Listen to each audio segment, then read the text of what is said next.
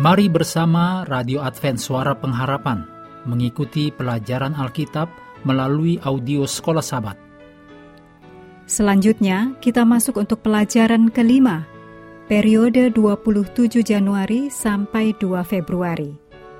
Judulnya, Menyanyikan Nyanyian Tuhan di Negeri Asing. Mari kita mulai dengan doa singkat yang didasarkan dari 2 Tawarik 20 ayat 21. Nyanyikanlah nyanyian syukur bagi Tuhan, bahwasanya untuk selama-lamanya kasih setianya. Amin.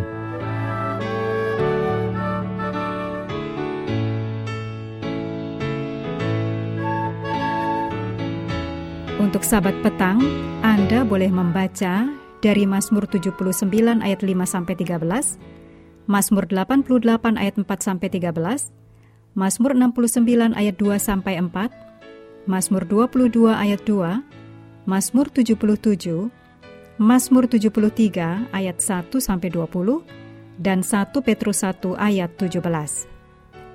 Ayat hafalan dalam Mazmur 137 ayat 4. Bagaimanakah kita menyanyikan nyanyian Tuhan di negeri asing.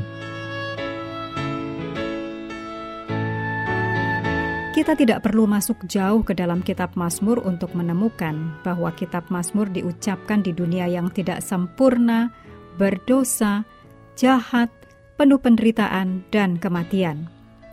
Ciptaan yang dipimpin oleh pemerintahan Tuhan yang berdaulat dan hukum-hukumnya yang benar, terus-menerus terancam oleh kejahatan ketika dosa semakin merusak dunia, bumi semakin menjadi negeri asing dalam tanda kutip bagi umat Allah.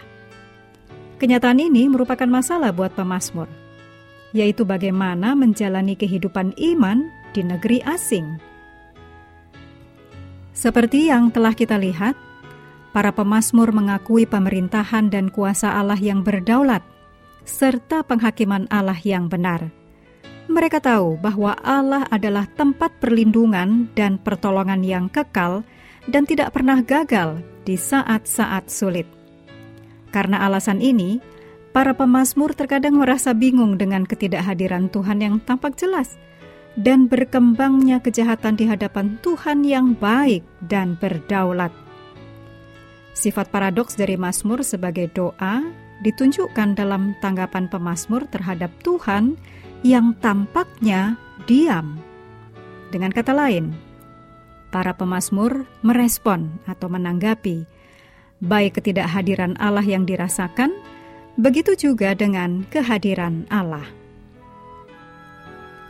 Mengakhiri pelajaran hari ini, kami terus mendorong Anda mengambil waktu bersekutu dengan Tuhan setiap hari, baik melalui renungan harian, pelajaran sekolah sahabat, juga bacaan Alkitab sedunia, percayalah kepada nabi-nabinya yang untuk hari ini melanjutkan dari Yesaya 65. Tuhan memberkati kita semua.